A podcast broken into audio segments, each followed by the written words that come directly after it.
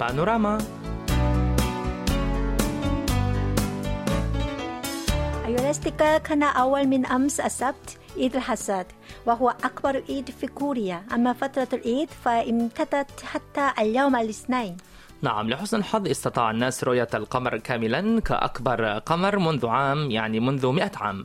يعني كان بدرا جميلا جدا.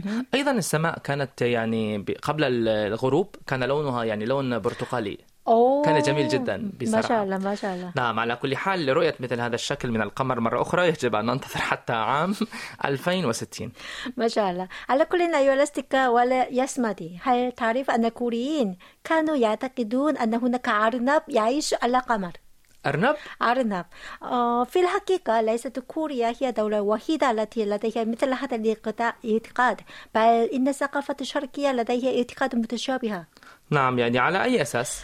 آه، أظن أن ذلك بسبب الجزء المظلم من القمر وهو على شكل حرف V يشبه أذن الأرنب.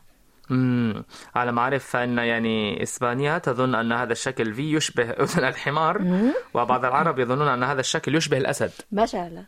أما شعوب البلدان الأخرى فتظن أن هذا الشكل يشبه التمساح أو ضفدع أو غيرها من أنواع الحيوانات. نعم أعتقد أن هذا يشير إلى الثقافة والتقاليد المتميزة لكل دولة نعم أيها الأصدقاء في بلدانكم كيف ترون شكل القمر؟ وأهلا وسهلا ومرحبا بكم معنا في حلقة الاثنين من سيول بانوراما هيا نبدأ مع هذه الأغنية بعنوان البدر وتغني الفنانة 선미 Hey, the first collaboration of JYP uh-huh. and Brave Sound. Yes, sir. Here comes. Song.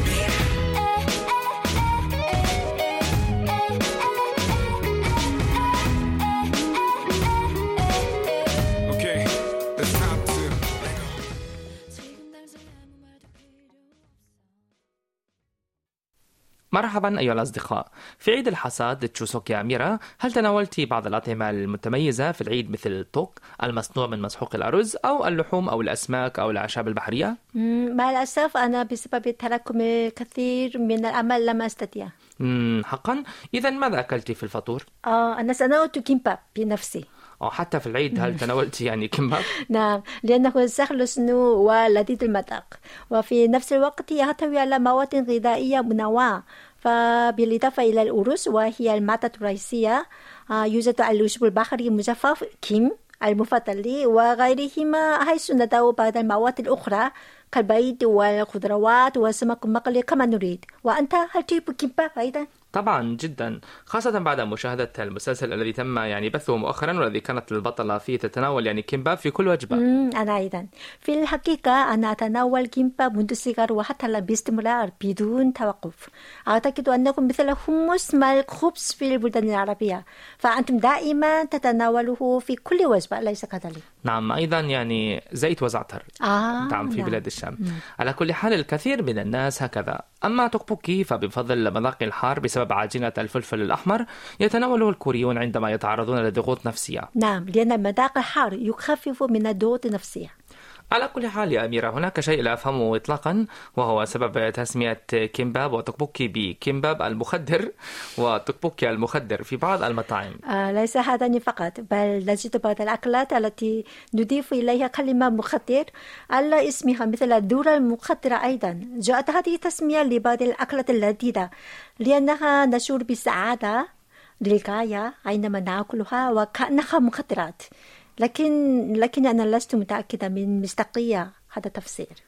نعم لكن مثل هذه التسمية تزعجني بصراحة. أنا أيضا لست أنت فقط.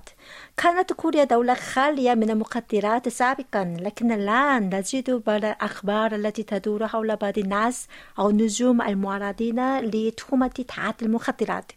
معنى ذلك أن كوريا لم تعد دولة نظيفة وخالية من المخدرات. أنا أخاف من ذلك.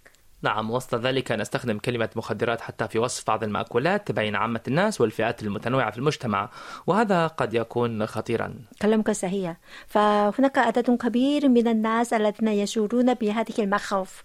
لذلك تقدمت أدوى برلمانية مؤخرا بمشروع قانون يخضر وضع كلمات مثيرة مثل كلمة مخدرات مع اسم الأكل.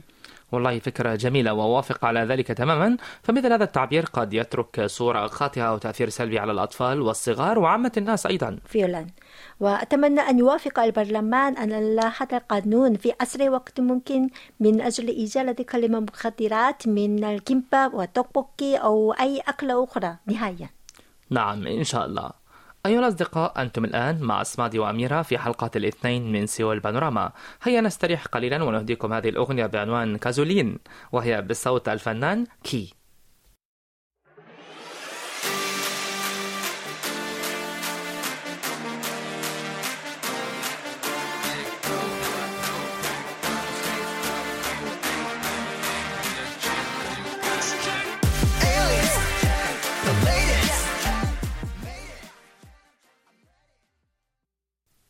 أيها الأصدقاء بعد أن نقلنا عن بعض الأخبار السعيدة مثل تعيين يوم زي الكوري تقليدي هامبو في الولايات المتحدة الأمريكية ويوم ثقافة الكورية.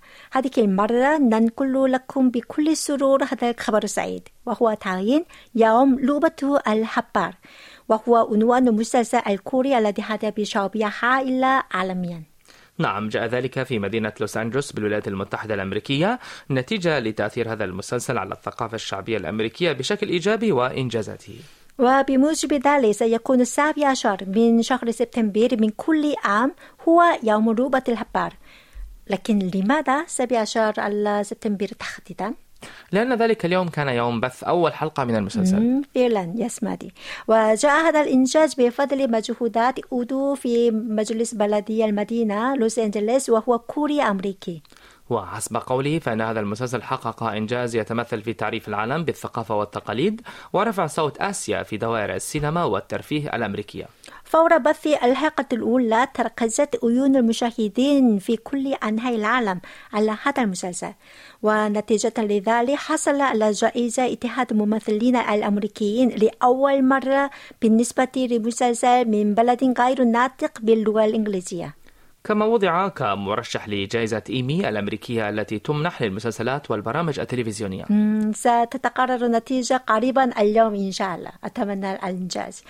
على كل بهذه المناسبة أقترح على القسم العربي تنظيم لعبة الحبار بمشاركة جميع أسرة القسم العربي في المستقبل. ما رأيك في ذلك يا اسمدي؟ دام أتمنى ذلك وأتمنى أن يكون هناك جائزة نقود.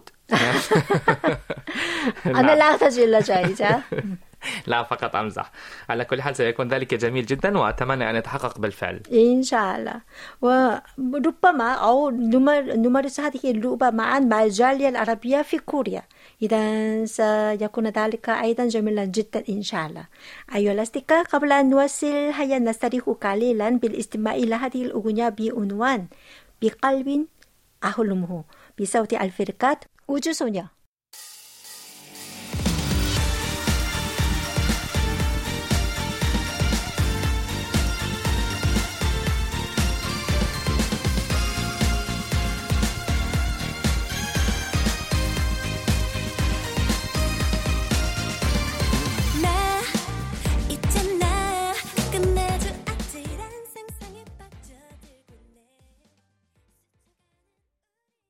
مرحبا أيها الأصدقاء.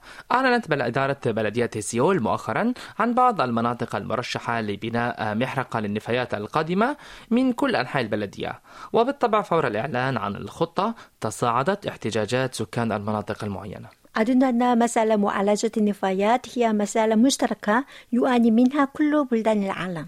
نعم بالفعل. وأولا هيا نتعرف سويا على طرق معالجة النفايات القائمة بالنسبة لبلدية سيول. حتى الآن تم حرق النفايات اليومية غير قابلة لإعادة الاستخدام في أربع محارق موجودة داخل البلدية لكن هذه الأماكن الأربعة غير كافية لمعالجة جميع النفايات حيث يتم إرسال حوالي ألف طن من بقية النفايات.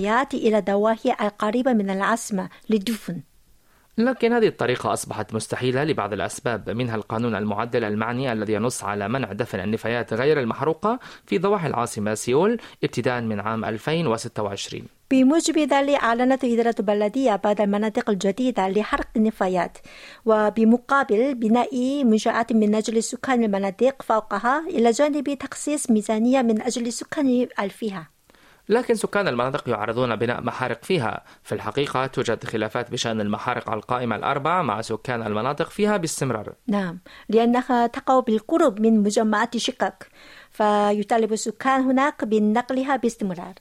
نعم إذا بنيت محرقة في أي منطقة يمنح يعني بعض الحوافز لسكانها أليس كذلك؟ نعم.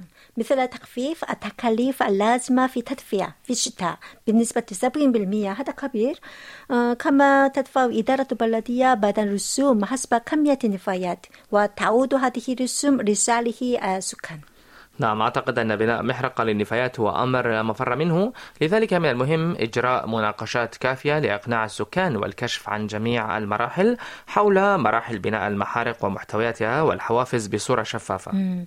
لأن مسألة معالجة النفايات هي قضية عالمية كما قلت فإن هناك طريقتين لمعالجة النفايات. نعم الأولى دفنها والثانية إحراقها. ومن بينهما تعتبر طريقة الحرق هي الأكثر فعالية ولذلك تسعى البلدان المتقدمة في مجال البيئة لتخفيض نسبة دفن النفايات وزيادة نسبة حرقها. نعم بينما تفضل كوريا دفنها على حرقها لأن طريقة حرق النفايات تحتاج إلى محارق. لكن أغلب المواطنين الكوريين لا يرحبون ببناء محارق بالقرب من منازلهم. نعم لحل هذه المشكلة يتم بناء المحارق تحت الأرض وفوقها نبني منشآت منوعة من أجل سكان المنطقة. مثل الحدائق الشعبية المبنية فوق المحارق والتي تخطى بشعبية على نطاق واسع كما آه، نستمتع بها حاليا. ففي منطقة هنام يعني تدخل وتخرج شاحنات النفايات خلال وقت الفجر. كما تتم إدارة المحرقة هناك بشكل صارم من أجل عدم خروج روائح كريهة. نعم. أما فوق الأرض فتوجد حديقة وملعب تنس وبروج وحديقة ملاهي. فيمكن السكان استخدام هذه المنشآت بالمجان. وعلى الرغم من ذلك يعارض سكان المناطق المعينة بناء المحارق فيها مشددين على تخفيض أسعار الشقق والمنازل فيها بسبب هذه المحارق. آه لكن هذا غير ممكن لأن بلدية سيول مشهورة بأسعار الشقق الأغلى على مستوى العالم حتى في المناطق التي توجد فيها محارق حاليا. نعم كما يشكو السكان من خروج دخان مضر نتيجة لحرق النفايات وهو ما يؤدي إلى تدهور جودة الهواء في تلك المناطق. آه لكن يقول الخبراء إن هذا الادعاء أيضا جاء بناء على معلومات خاطئة. لذلك كما قلت قبل قليل من الأفضل إجراء مناقشات مستفيدة لإقناع سكان تلك المناطق بمشاركة ممثلين عن سكان ومسؤولين المعنيين معا إن شاء الله.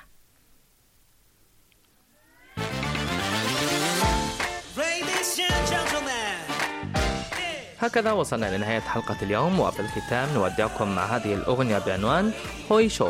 وهي بصوت الفنان كيم هويونغ شكرا لكم وإلى اللقاء وكل عام وأنتم بخير. إلى اللقاء وكل عام وأنتم بخير.